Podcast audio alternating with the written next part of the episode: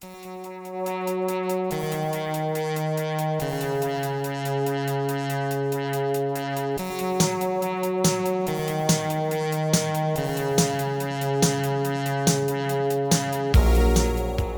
to First Draft with me, Sarah Enni. Today I'm talking to Sabaa Tahir, author of the New York Times best-selling Ember in the Ashes series. Three summers ago, Sabaa and I actually sat down to talk right before her debut YA, An Ember in the Ashes, came out. We sat picnic style on the grassy lawn in front of her local library. Unfortunately, the noise from gardeners across the park was so intrusive we had to scrap the episode altogether. Gone to the mists of time. So this summer, Sabaa and I were finally able to reunite. Three years and a couple books wiser. Sabaa's career and the wider world had changed so much, and I was so happy to get into it with this smart, empathetic, lovely person. So, relax on a patio overlooking a pool, try not to think of the bitter feud raging between your pop dolls, and enjoy the conversation. it showed up and I was like, what?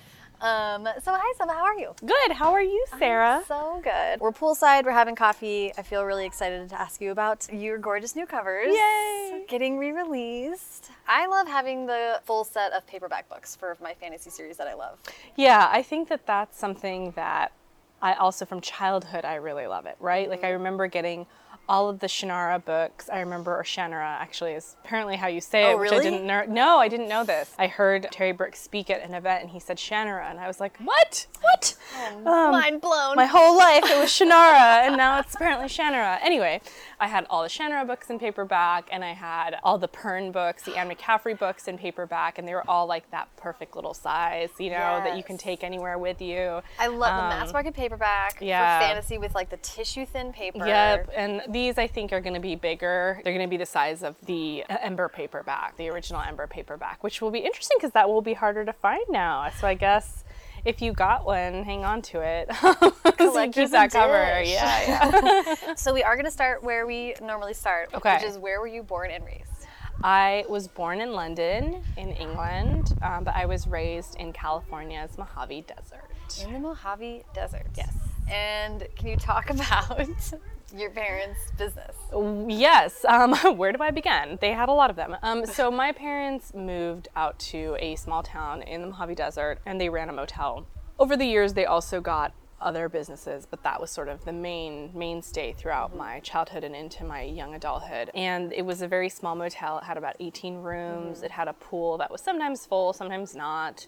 It was a really small place, and we had all sorts of people passing through, mm-hmm. crazy stories. As you know, I'm like obsessed with writers coming where they come from and like the settings that sort of shape young minds and imaginations. Right. And it feels like the Mojave Desert a motel where people are coming and going and you may not ever know anything about their real story. It just seems like it's it's such an evocative. It is. It was a very it was a very strange place to grow up. It sort of felt like nothing was permanent in a mm. way because people were always passing through and it was like this very transient population and you know, I would become friends with like the little kids who might stay for a week or two weeks while their parents were um, maybe either working there was a naval base so either working on the base or maybe they were just visiting family and they wanted a place to stay or sometimes they were actually exploring the surrounding areas because Mount Whitney is about two hours away oh. Death Valley is about an hour and a half away um, it's sort of the highest and lowest point in the continental United States, and, and the town I lived in, Ridgecrest, is like right in the middle.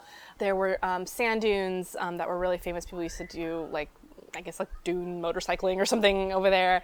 Kennedy Meadows, which is a really famous um, like camping and you know uh, uh, a hiking spot. There was just a lot of places around my hometown where people love to go to, but like I always felt like the town itself was never the destination. Just, like this isn't where we want to be. We're trying to get somewhere. We're trying else. to get somewhere else. Yeah. So, but sometimes we had people. We used to rent out our rooms long term. Mm-hmm. So sometimes we had people who would stay for a month or two months and you know, I would make yeah. friends and then they would leave and I would never hear from them again. Yeah. You know, this was before obviously Facebook, cell phones, and right. you know all that stuff. So it's like they would just be gone. Yeah, that's interesting to me. You're talking about the feeling of impermanence, kind of. I mean, it's kind of lonely. That's it's also like the desert is kind of a lonely place, and this the na- the transient nature of like the motel and stuff like that. And when I think of, of that, it it makes me think of childhood and this kind of lonely always changing environment where like where an imagination could kind of save you. Absolutely. And you know, it was lonely in the sense that I did always feel very isolated, but I had my family and I was very close to them. We were sort of lonely together, if you will. Yeah. Um, but yeah, I did I did definitely feel that sense of loneliness and I needed friends and so books became my friends. Books were one loyal, you know, two they didn't really like call me names or say mean things to me and they introduced me to new places and new friends and new mm-hmm. ways of thinking. You know, this was a very isolated town, so it was very racist, closed-minded, homophobic, you know, you name it. It was those things.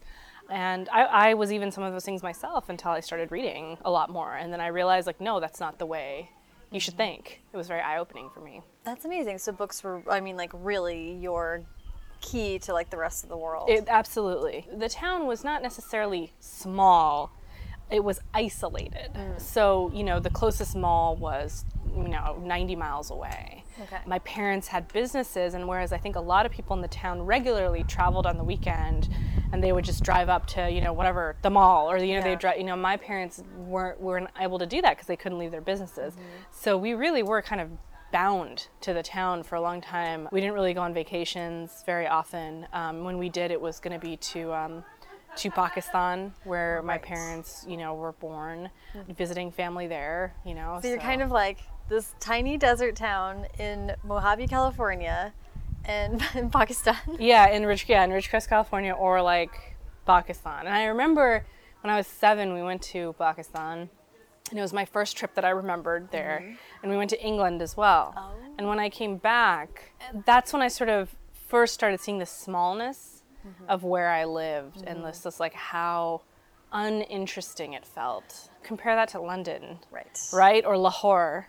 You know, these cities that are so alive and there's so many people and there's so many stories and Yeah. painting in color, whereas my hometown just felt black and white, but not in like the good Ansel Adams way, and like the boring way.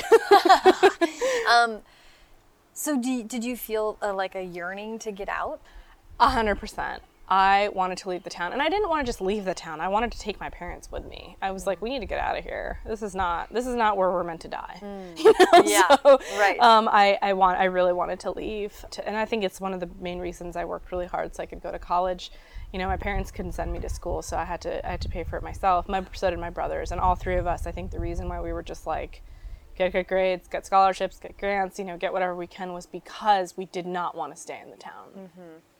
I mean, the other thing that's really interesting about the, the town is, like you're saying, it's near the naval, it's like a research lab. Or Yeah. a, Oh uh, my God. So many weird things. So many weird, like, Stranger Things type stuff going on, Yeah. you know? Um, I remember mm, two of my best friends and I were walking up a street one day and there was this enormous flash of light across the entire sky and we like grabbed each other and like sat down on the curb freaking out and i kept thinking that like you know we would hear something about it somebody would say something or explain it but nobody ever did. It wasn't like lightning. I mean it was a summer's day in the mojave desert. There aren't that many storms you know at that time. And it wasn't it wasn't a small flash of light. It wasn't like a transformer bursting or something. It was like this huge across the sky. And then another time um, I remember a spotlight in my window as a kid, and I lived on the second floor of a house. This was when my parents had left the motel to managers, and we were living somewhere else for a couple of years. It was late at night, and my father was still working. You know, my mom was probably downstairs, and my brother and I were, you know, asleep or whatever, mm-hmm. and he's in his room and I'm in mine, and we see this. The spotlight goes over my room, and then it goes back, and then it goes away. And you know, our backyard faced the desert. There were no streets out there. There was nothing. There was no and it wasn't headlights, it was a spotlight.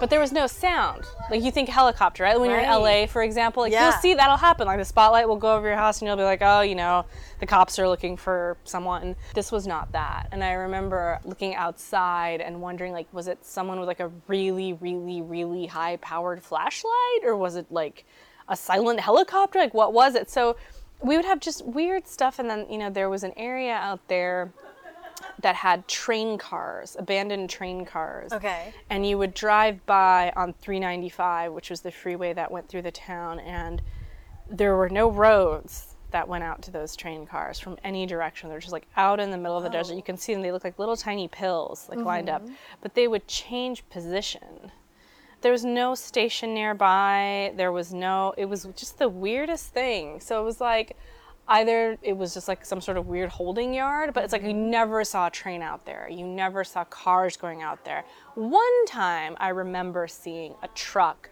turning into the desert and driving out there, and it just looked like it was driving into nothingness. Right.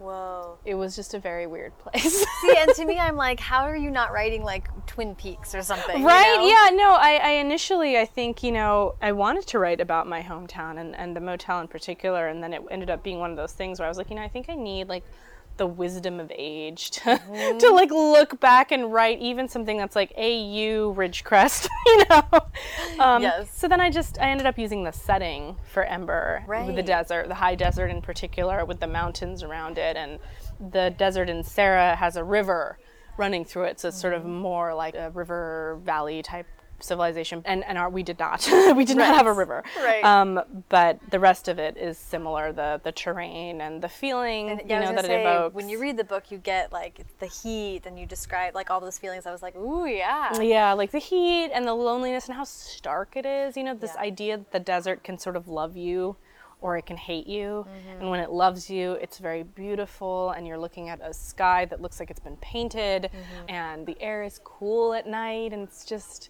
it's very peaceful you know you can hear the animals crickets and such and then when it hates you it's 115 degrees and people are closed-minded and calling you names and your car it's like you could fry an egg on top of it Yeah. and you can't go outside you know it's just miserable Yeah. so Yeah. sort of one or the other very polarized Yeah, oh, it's so intense. So we talked a little bit about reading and writing, um, and how certainly how reading was playing into your young life. What about writing?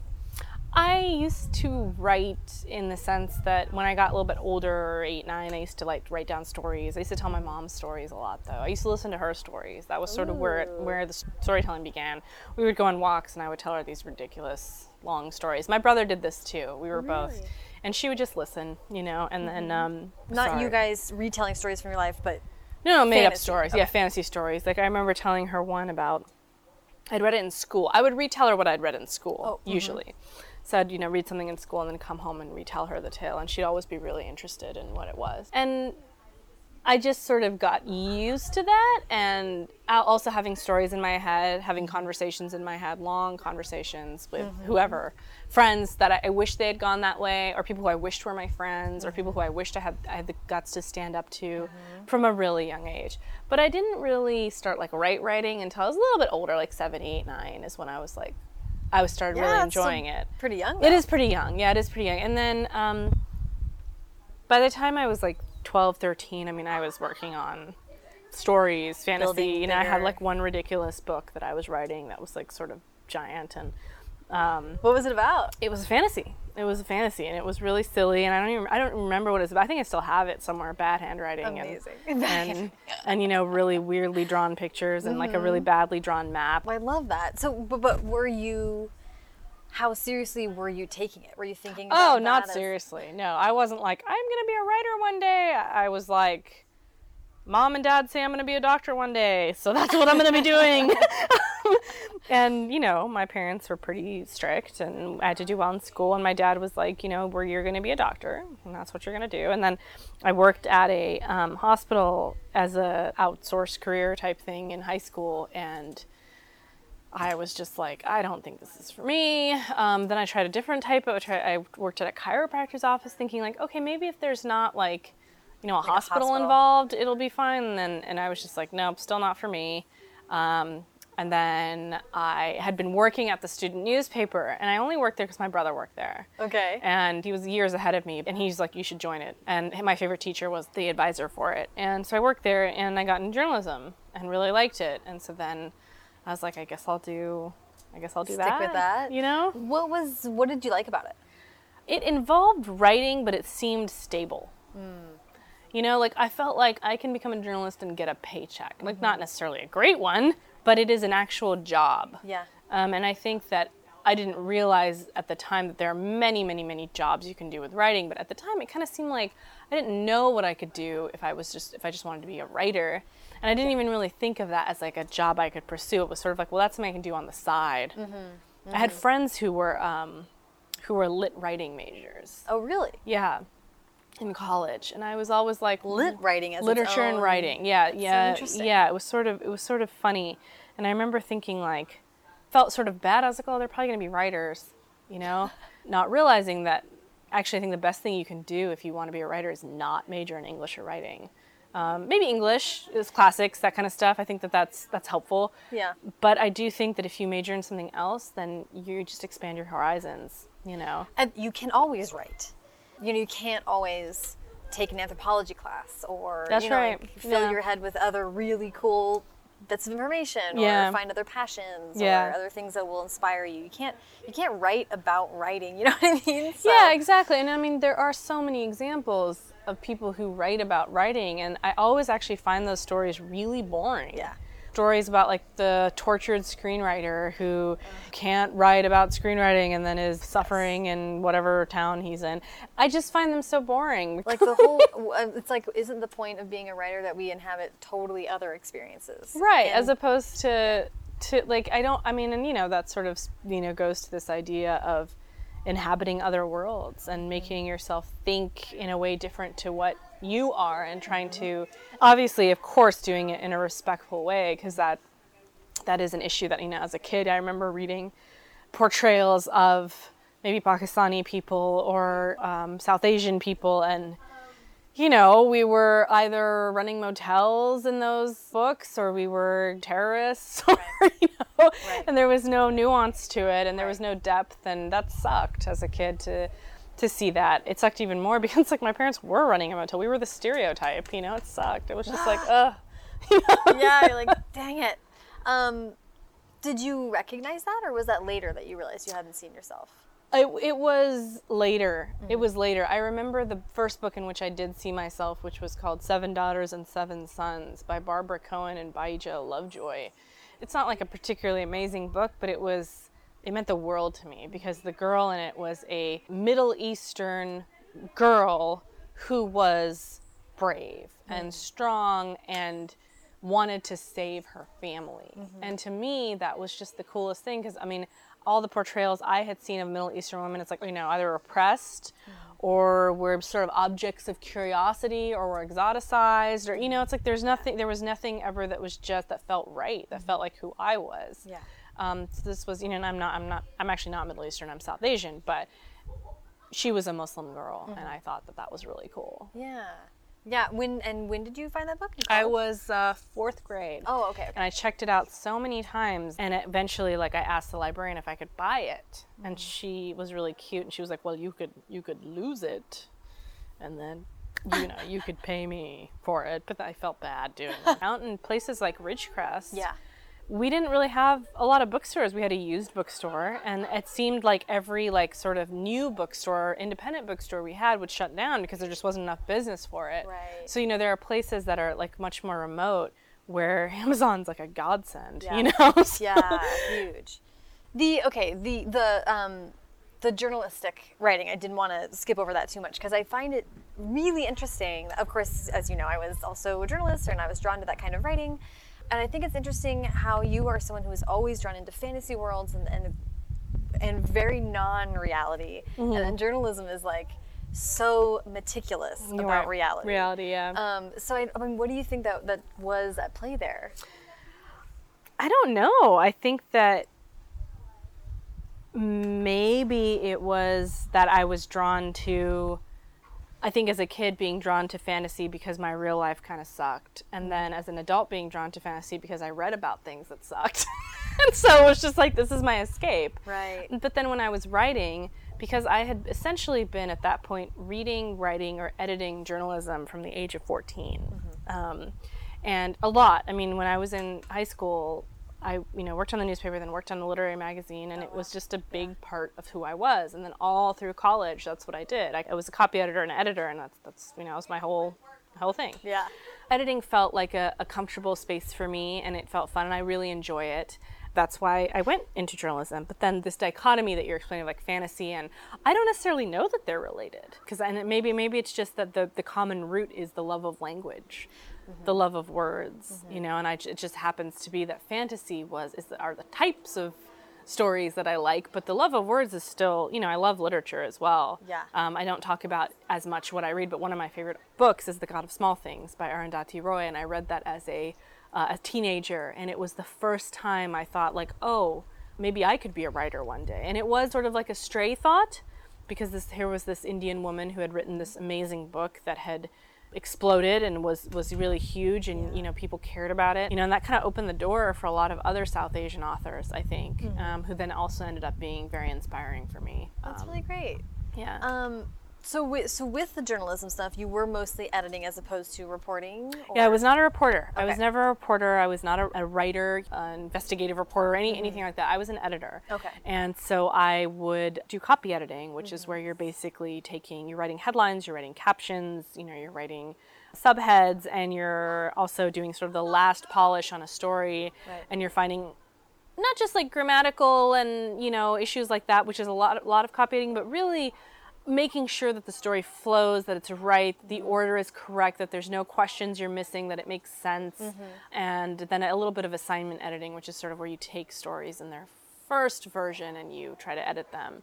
That was more rare, but I did that too. That's really interesting, and it's also kind of anytime you're working with words, you're helping yourself as a writer, but like thinking about reading stories and being like, does this add up? Like a final polish to be like, Oh, this absolutely. has to be all Yeah. the words in the right order. Um, I actually always tell young writers one of the best things that they can do for their own writing is to read a good newspaper every day. Even if you read, you know, one or two stories from the Washington Post or the New York Times or the Wall Street Journal or the Atlantic, which isn't a newspaper, but if you do this every day for a year, you will see the improvement in your writing. Oh my God. the clarity. Yep. To me, I was always like, I went from being an English major to the journalism program, and the first thing I turned in, it was the guy like taking this red pencil, of course, to my printed out version of it, and just like circled everything that was three syllables or more. It was like, mm-hmm. do you really need that one? Yep. And it's like, no, you need to choose the simplest word. You just want to be understood. This Yeah. isn't about you being like how smart you think you are. Yeah. It's about making sure that the reader understands what you're saying. Yeah. And that was like a huge lesson.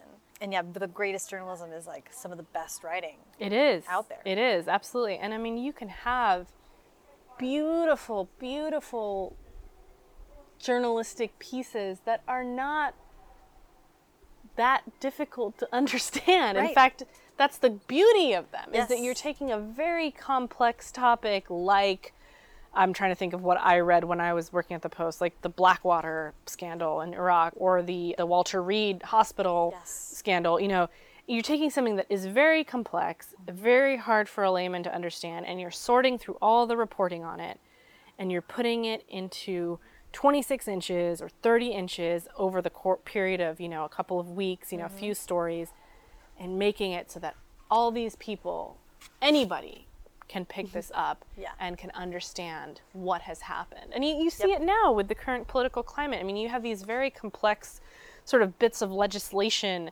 and rules about the Supreme Court and what they pick and why they pick it and you know what justices can do and what the executive can do and what you know the judicial branch can do and how this stuff affects all of us and I really do think that people knock the media all the time, but if we didn't have good journalists to really help us understand all this stuff and break it down, we would be screwed. We would be screwed. We had no context for Any of it. the experience of our lives Yeah. and what's impacting us every day. Yep. Yep. That's Yeah. right. I, and the next time you want to knock the media, think about how lucky you are to be able to knock the media.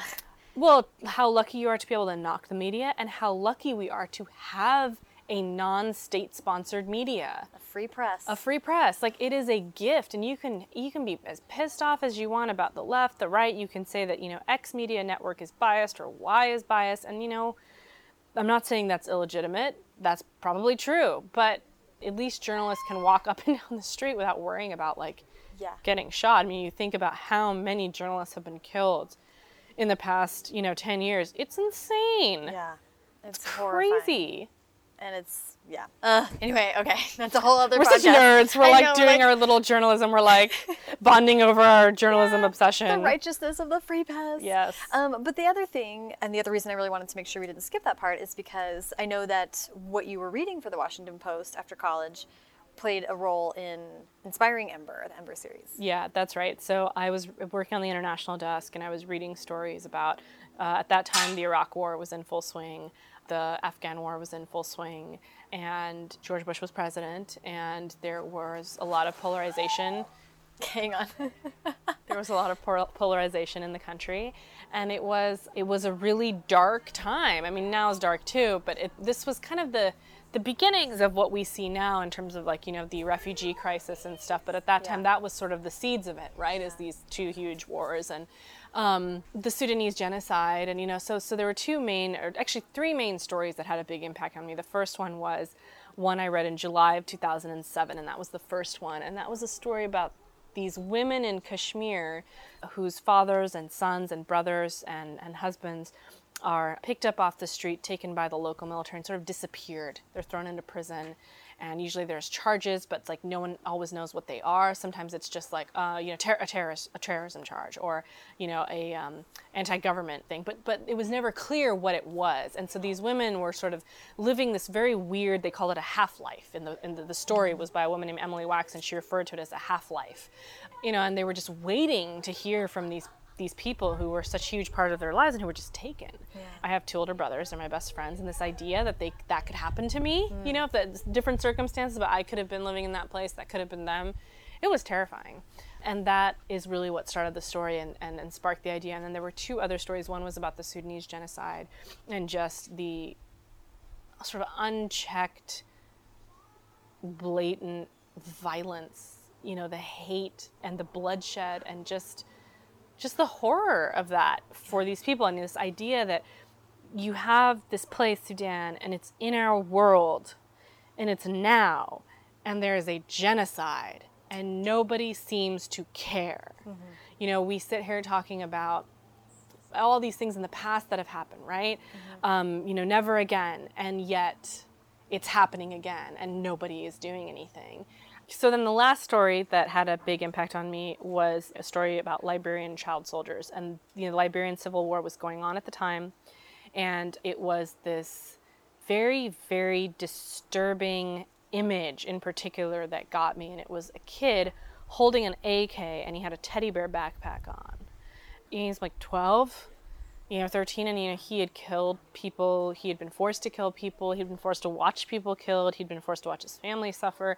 And to think that you're putting that on a child, like, what will this child grow up to be? How will he navigate the world? You know, how do you recover? How do you how do you recover from that? And how do you even know there's something to recover from if that's mm-hmm. your normal, right? Yeah. So um, that also had a big impact. I mean, that's where the child soldiers stuff came from. And then I was always interested in like ancient Sparta, ancient Rome, and so I sort of combi- started combining ideas and stuff. And that's where the school Blackcliff Academy came from. Is this of ancient Sparta? I mean, they used to take boys when they were six or seven from their mothers and throw them into the agoge and be like, suffer for 20 years. Yeah. You know? Congratulations, you're chosen. Congrat- yeah. yeah, exactly. And, and now you're going to be a, a warrior of Sparta. Um, and it was considered really horrible if the mother didn't want to give up the child or if the child was a weakling. And, you know, a lot of the stuff from Ember in terms of the training and everything, you know, I, I just did research on Sparta. And so in ancient Sparta, they did send boys out to steal from the countryside.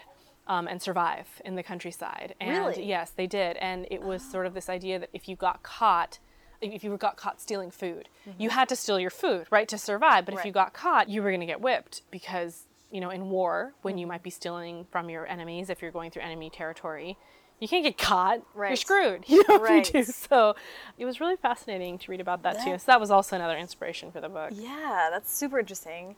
And you mentioned earlier like that continuing to read fantasy then became kind of an escape. And I'm assuming you mean from all of this intense stuff you had to read as your job. Yeah. So then how much of how much of jumping into writing was it was hundred percent an escape. Enhancing it was just escape. like I'm you know, I'm not gonna be a reporter, I'm editing, these stories are depressing. It was like therapy. It's like I read these stories about people who can't do anything. They're in, stuck in these terrible circumstances and they can't do anything. And it's almost like I wanted to write a version of the story in which you know, if it were me, I could do something. Mm-hmm. And that was a big part of Ember as well. Yeah, taking control to whatever degree you could. Yep. Having to live with that stuff in your head, which is interesting to hear you talk about this. A lot of writers I've been talking to lately, and myself included, have been having a difficult time balancing news and writing right Yeah. now. Too close to home. Yeah, that's kind of where you started. Like you Yeah. had, like having to try to find an escape from this. Yeah, And were you also working at night? I was. What hours are we talking? Uh, we're talking usually 6 to 1.30 was my most common shift and then i also had i did sometimes work 4 to you know 11.30 Mm-hmm. like it was a it was a seven and a half to eight hour shift that could start at four or five or six but six was three times a week i remember very clearly yeah That is like to me it seems like you are being forced to read all this stuff. It's very depressing and intense. And also like it's in the dark what an odd you're not really in the world if you're having to live in those hours. No, because you know you get home and you don't go to sleep. You know, you're awake It's and you're thinking about what you've read. Mm-hmm. You know, I mean, I used to go home and I used to think about it. I mean, I used to think about, I used to think about the kids in particular. This is well before I had children. You know, I used to think about these kids and just think, how, how are they okay? And then realize the answer to that question is they're not okay. And then have to think about, I live in a world where somewhere there is this child who is suffering. And like I'm drinking my Coke Right. or my tea, but there is a child and he or she is suffering and I hated it. I still hate it. Yeah. I absolutely hate it. And and so often when I read a story about something terrible happening to a kid, I put their name in my books and I give them like a happy ending. Oh. You- because I can't, I can't get my wrap my head around it. Like I'm, there was recently a, a young woman who was killed in Sterling, Virginia. She was a young Muslim girl, and she was she was it was a very brutal killing. And I think that I'm gonna give her a really happy ending in my story because she should have had one. Yeah. You know. Yeah. And that's like what you can do, you know? And it's nothing. It's not Right. anything. It's just it's like it's literally for my own head. Yeah. That's Yeah. it. That's the only good it does in the world. But That's how I mean, all writers start. You know, like no one's like going door to door saying we need fiction writers. You know, right? Yeah. We're kind of like doing it on our own anyway. So Yep. a coping strategy. yeah.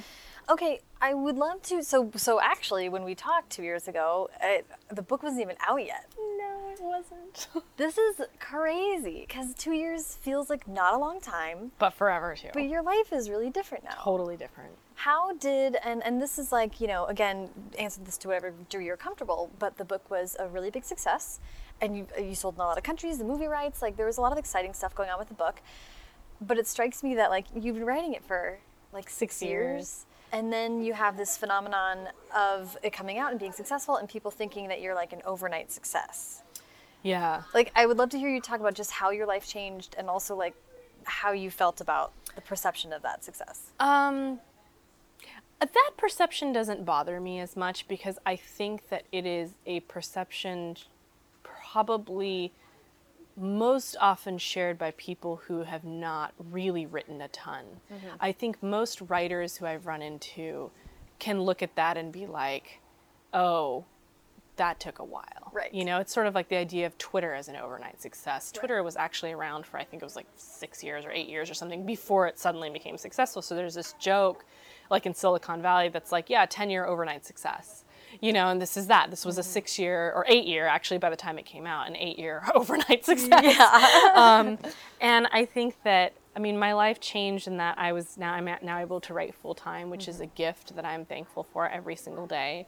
I have readers, which is strange and wonderful. I have fan art. Right. Um, it's occasional and always like a it's like a flower exploding when I get to see it. It's really beautiful and wonderful. I posted one the other day and it just my whole day was happy because I saw this gorgeous fan art.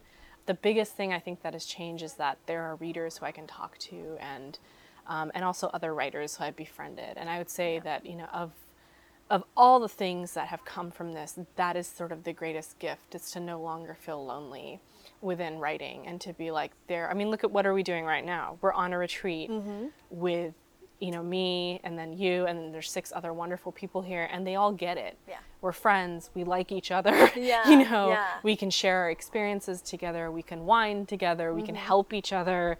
And that is a, a gift because writing is so very isolating. I was very lonely for six years. you know, it was Right, just like, of course I had a family, of course I had friends, but not, you know, not people who under sort of understood that because I didn't, I didn't really know that there was a YA writing community. I had no, I didn't know any of that. It, it's really changed a lot in the last few years too. Yes. It's not. I think that that community has sprung up more recently. Mm-hmm. Um, At that time, it was not very as active. I think When did you kind of dip a toe into that world? after after my publishing deal, um, I first met the other debuts in my group. Mm, that's right. And then I sort of found my people, and then I, the book came out, and I started meeting other writers at events and stuff. Mm-hmm. And in particular, you know, remember Holly Goldberg Sloan um, is one of the very first friends. She's actually a friend of, of my brother's. I didn't know it until after my book had gotten Oh, a publishing deal. And he and he it was really funny. He was like, "Oh, you know, I have a friend who's who's in this world. Maybe you should talk to her." And I was like, and then he tells me, you know, who it is, and I'm like, "What?" She was wonderful. Um, and Margie Stohl, who welcomed me with such open arms and was always is just the best. You know, um, Melissa de la Cruz. You know, these were all people who. Um, made me feel welcome early on, um, and who were incredible, and I've made I think so many of us feel Yes. welcome. You Oh, know, yeah. like regardless of what you write, how you write it, you know, where you're published, how you're published, you know, they're Yeah. just they're very welcoming. And so it was finding that community was that's when it happened. That, that is a lot in two years, dude. It is. Yeah, and I um, you know, we had you know, I had moved in 2012 and then I sold the book at the end of 2013 and then it came out in 2015 and then had to write the second one and now working on the third. It's it's been it's like I don't think the past few years could have gone any faster. oh my gosh. just, no they just like flew past. No and it's crazy to me to think that Ember came out more than two years ago. It seems like such a short period of time, like you said, and yet it seems like forever. it has always It's- been. It's always been. It's weird. It's a very weird feeling. Well, and the other the other thing, there's already pressure on the the next books when it's part of a series, and then there is a, a degree of pressure that comes when the first book um, kind of is a hit out of the gate. right. So it's like, I- are you a one-hit wonder? Can you do this again? can you sustain it? you know. you had many years to work on the first book, You and then have- you have yeah. a, definitely a shorter deadline for the second Yeah. one. So, how did you go about preparing for the next books, and how did you think about that? I mean, I would love to say that I had some really like genius way of thinking about it, but I mean, I basically careened into it and flailed for months and months, and then somehow the book got written. Really? Um, with much angst, and I'm doing that again. And I would love, I wish I learned whatever magic lesson people learn that allows them to calmly and maturely write a book in a normal amount of time. But I I've don't got know. does that exist? Who does, that, that exist? I don't know because it's like I've got deadline in a couple months, and I am just like, maybe I should move to another country. maybe I should pretend I've been kidnapped. you know, like trying to figure out a way out of the deadline. You know, it's just ridiculous. So I, yeah. But the there you had another interview where you talked about having. Pl- I think that you tried to plan the second book a lot more, and it just and the free writing. Talk to me about that. So I tried to plan the second book. I, like with my first book, I was like I gardened. Right, that's mm-hmm. the the George R. R. Martin term for him. I was not an architect. I was a gardener. So I mm-hmm. played around in the dirt and figured out what the story was. My second book, I was like, I'm going to be an architect. I'm going to plan this whole thing out, and that's going to be great. I planned the whole thing out, and I started writing it, and it went terribly. and then with my third book, I was like, I'm going to do a bit of both, and that's worked better. But you know, here I am, two months out. Book's not close to done. So I don't know. Did it really work, Sarah? I don't know. I I, mean, it's always best laid plans because you just every book is really it really is different. I really think that I actually need the pressure of a deadline. Hmm. It forces me to work. Mm-hmm. And I am one of those people who I think I need to be forced to work. I'm the guy who they're going to be like, she's not done with her book, stick her in a hotel room. Don't let her out until she finishes writing it. yeah, it's true. Like, um, just a robe for months and like yeah. yeah, figuring it out. Yeah, I mean, I, I like hearing that just because I think people believe that there's one way, or like you, if only I could plot, then it would fall all into place. And it's like, well, that's. And then you start writing the book, and you're like, my whole plot's wrong. Everything. Yeah, right. so much of writing is, I mean, my mom used to say so much of writing is dreaming, but I also think so much of writing is figuring out. It's figuring out. It's like you write and you're like, that was stupid. I mean, just today, my goal today was 5,000 words. I wrote about 3,500 words. I cut a thousand of those words. So Okay. really, I wrote 2,500 words. Right. But guess what? I still have 2,500 words to write. The day is not over, and Mm. I've got to write. that is writing. Writing is pain, man. Yeah. It sucks. but we love it. We do it because we. Uh, Shannon Hale said something really interesting at a retreat I was at recently. She said, "I don't write because I want to. I write because I have to, and that's how I feel too. I write because I have to. If I don't, I become a worse person, grumpy, and you know, like I get all anxious. anxious. Yeah, um, tense, and Yeah, sort of. filled with nervous energy. Feel it's- weird. Yeah, yeah. It's like it's like I have to do it. Yeah, uh, I feel that.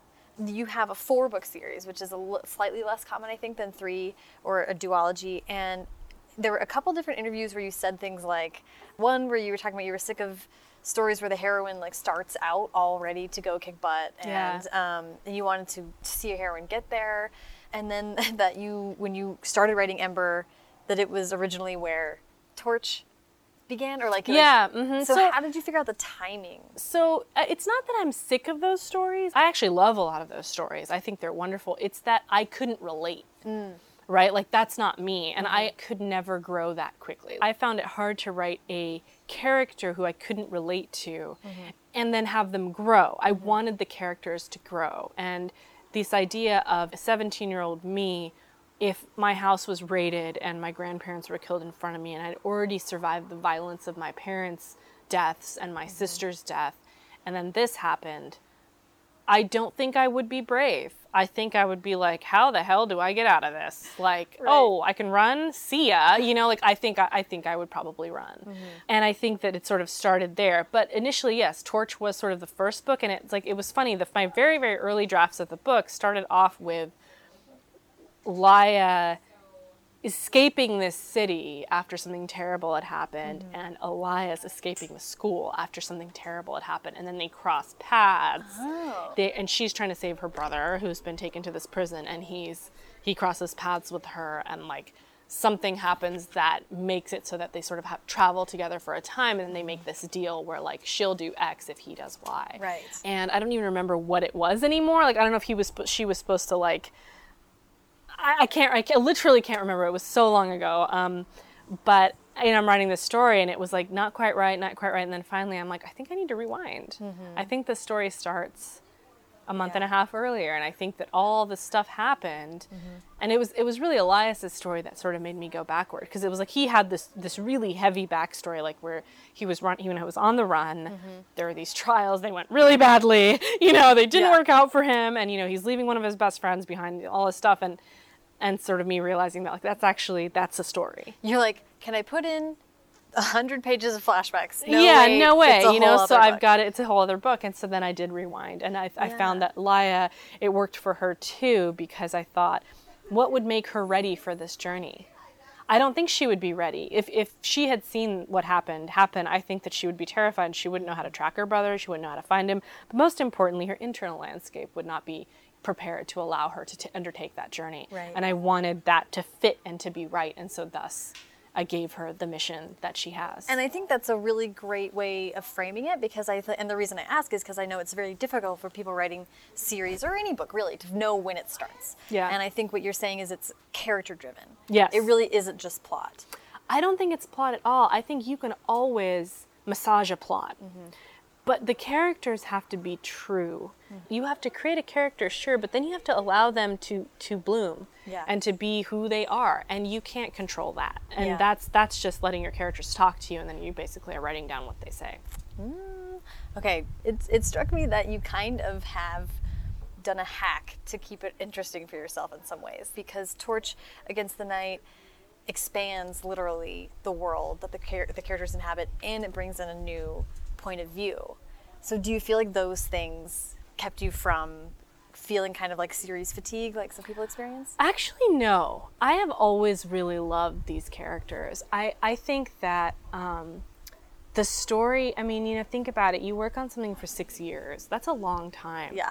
But I'm never tired of them. I, they annoy me sometimes. I'm like, oh my God, guys, like, can you please just cooperate? But I don't get sick of them and I don't get sick of the world because what you see on the page is the tip of the iceberg, right? I have this whole world in my head and there's so many stories in it. I mean, there's just so many. So I don't. I don't get fatigued. Okay. Um, and then with with Helene, adding Helene's story and Torch, Helene wanted to speak in Ember, but Laia and Elias were just like, nope, our story. You know, I needed to tell it from their point of view. Mm-hmm. And Helene, I think, has always been sort of waiting in the wings, waiting to speak. Yeah. You know, and there's one other character actually who is waiting in the wings and waiting Oh. to speak, and I have not yet revealed who that is. Um, but that that is probably one of I've written those chapters, and they're probably my favorite. That's great. So, I mean, but it is a way of discovering new. I mean, because then you get to occupy. I guess, but you always have been. But it's like I've, I've had like I've had those for a long time, you know, and it's just a matter of waiting until it's right for them to speak. But you do get to inhabit new points of view. I don't so much love that as I love juxtaposing. You know, it's like you see. I be, I believe that you can see Elias in a new way when you see him through the eyes of Helene, and I believe that you can see Laia in a new way when you see her through the eyes of of Helene. It's just like when you go back to journalism, right? There's never one source, at least not in good journalism. Yeah. Right. There's always more than one source. I mean, anyone who's seen All the President's Men knows. you know, you you need many sources. You know, you won't they won't print your story otherwise. Um, and so that idea of a narrative told from many points of view. I think it makes it interesting for the reader, but in this particular case, it's just it just had to be that way. Yeah. Yeah. You I love that. Well, I, I mean, what I'm getting from you is just such a dedication to the characters, and I really love yeah, I mean it's I don't know if you call it dedication or obsession. It's sort of pathetic. I mean, I I really do like live and breathe and sleep this world, and it's it's sometimes hard to disengage and hard to be like go back to reality of like I'm a parent, I am you know a daughter, I mm-hmm. am you know a spouse, I am I have a partner. You know, it's like Right. it can be hard to kind of step back and go back into the world when you've been in in your world. You know, this world you've created for a long time in the world where you have control. where you have control. Yep, Yeah. that's right. Ooh, interesting. Um, we uh, wrap up with advice. Okay. So I would love to hear um, advice, whatever you might have for either new writers or for people who are making a living now. Um, you know, my advice has pretty much been the same for the past few years, and it's th- three pieces. And one is never give up. You know, I always remind people that it took me six years to write Ember. So, like we talked about the idea of a six-year overnight success. Right. There is no such thing as an overnight success. It just doesn't exist. Mm-hmm. At least I don't think it exists in publishing. At, at some point, somebody had to sit down and write the damn book.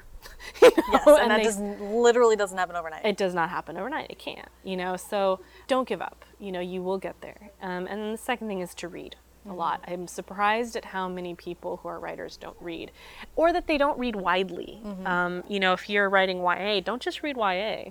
Read nonfiction. Read literature. Read adult literature. Read thrillers. You know, mm-hmm. read mysteries. Read whatever you can get your hands on. Read the mm-hmm. cereal box. You know, just read. Yeah. And the last thing is always my sort of most common piece of advice, and that is don't make excuses for yourself. You know, writers write, they find a way. People write from prison, they write when they're poor, they write when they're drug addled, they write when they're sick. I mean, Paul Kalanithi wrote When Breath Becomes Air, and he had stage four lung cancer. I mean, good God. You Was, know? isn't it my left foot is about Yeah. a, yeah yeah you can you can there's so so many books that come from places of pain that come from places of suffering and those are the excuses we use the most mm-hmm. right if you have kids i don't think it's an excuse i i had kids you know and i don't i just i get why people have a hard time writing but you find a way now i'm not saying finding a way is easy sometimes people don't know what to do and i always talk to people about um, and this is my new piece of advice, which is this idea of elbows of time. When I had, when my boys were little, like really little, I would write in elbows of time. I would be nursing, feeding them, and I would be speaking into my phone story ideas, or I would be, you know, taking them for a walk, and you know, a baby is a baby. They're just sort of chilling, looking around, and I would just be. They would hear my voice, right? But I would mm-hmm. be talk, talk, telling story ideas, mm-hmm. or you know, writing in a notebook, or having your computer with you all the time if you mm-hmm. are lucky enough and you have a laptop, and writing down whatever you can when you can, and just using you know, ten minutes, fifteen minutes, five minutes to move forward. You can like- do a lot in that time. oh yeah You can do a lot in 15 minutes. It's shocking how much you can do in 15 minutes. yep I used to get on the metro in DC and go from yellow line to the red line. Mm-hmm. Yeah. And I would sit down and for four stops, sit there in my seat and write, and then pack it up, get my get my bag, go to the red line, sit down, and for Yeah. another ten minutes, and then and that was all I had going back Yeah. and forth every day. Yep, an acquaintance of mine named Sarah Henning, who has a book coming out, I think this year. She was saying that she wrote most of her book while working out at the gym on her phone. She just typed it on her phone. Funny. And it's like if you if you need to write, you're gonna find a way to write. So Yeah. find a way to write. Yeah. Well, dude, thank you so much. You're much. welcome. I'm, so I'm glad we finally did it. happen. Yay, high five. We did it. okay, now let's go right.